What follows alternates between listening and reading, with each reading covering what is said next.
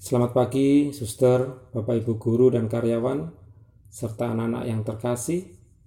Mari kita siapkan hati dan pikiran kita untuk mendengarkan sabda Tuhan. Kita awali dengan berdoa. Demi nama Bapa, Putra, dan Roh Kudus. Amin. Allah Bapa yang bertata di kerajaan surga, ucap syukur kami aturkan kepadamu atas segala berkat yang engkau berikan kepada kami Kini saatnya kami akan mendengarkan firman-Mu. Bukalah hati dan mata kami, agar kami dapat mengamalkan sabda-sabdamu. Amin. Inilah Injil Yesus Kristus menurut Markus. Dimuliakanlah Tuhan. Pada suatu hari, serombongan orang Farisi dan beberapa ahli Taurat dari Yerusalem datang menemui Yesus. Mereka melihat beberapa murid Yesus makan dengan tangan najis, yaitu dengan tangan yang tidak dibasuh. Sebab orang-orang Farisi, seperti orang-orang Yahudi lainnya, tidak makan tanpa membasuh tangan lebih dahulu, karena mereka berpegang pada adat istiadat nenek moyang. Dan kalau pulang dari pasar, mereka juga tidak makan kalau tidak lebih dahulu membersihkan dirinya banyak warisan lain lagi yang mereka pegang. Umpamanya, hal mencuci cawan, kendi, dan perkakas tembaga.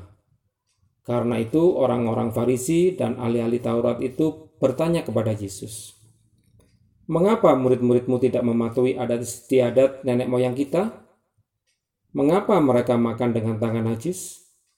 Jawab Yesus kepada mereka, Benarlah nubuat Yesaya tentang kamu hai orang-orang munafik. Sebab ada tertulis, bangsa ini memuliakan aku dengan bibirnya, padahal hatinya jauh daripadaku.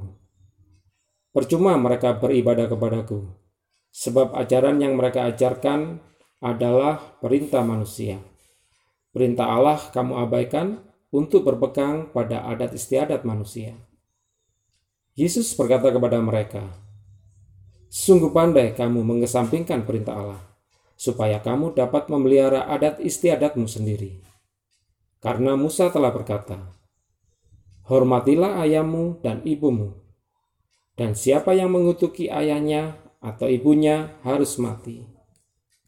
Tetapi kamu berkata, kalau seorang berkata kepada bapak atau ibunya, apa yang ada padaku yang dapat digunakan untuk pemeliharaanmu sudah digunakan untuk kurban, yaitu persembahan kepada Allah. Maka kamu membiarkan dia untuk tidak lagi berbuat sesuatu pun bagi bapak atau ibunya. Dengan demikian, sabda Allah kamu nyatakan tidak berlaku demi adat istiadat yang kamu ikuti itu. Dan banyak hal lain seperti itu yang kamu lakukan. Demikianlah Injil Tuhan. Terpujilah Kristus. Suster, Bapak Ibu, dan anak-anakku yang terkasih, kebersihan dan penampilan luar memang penting. Tetapi yang paling penting adalah hati dan jiwa yang bening. Karena itulah tujuan semula Allah menciptakan manusia, yaitu menjadi serupa dengan Allah. Manusia diciptakan seturut gambar dan rupa Allah.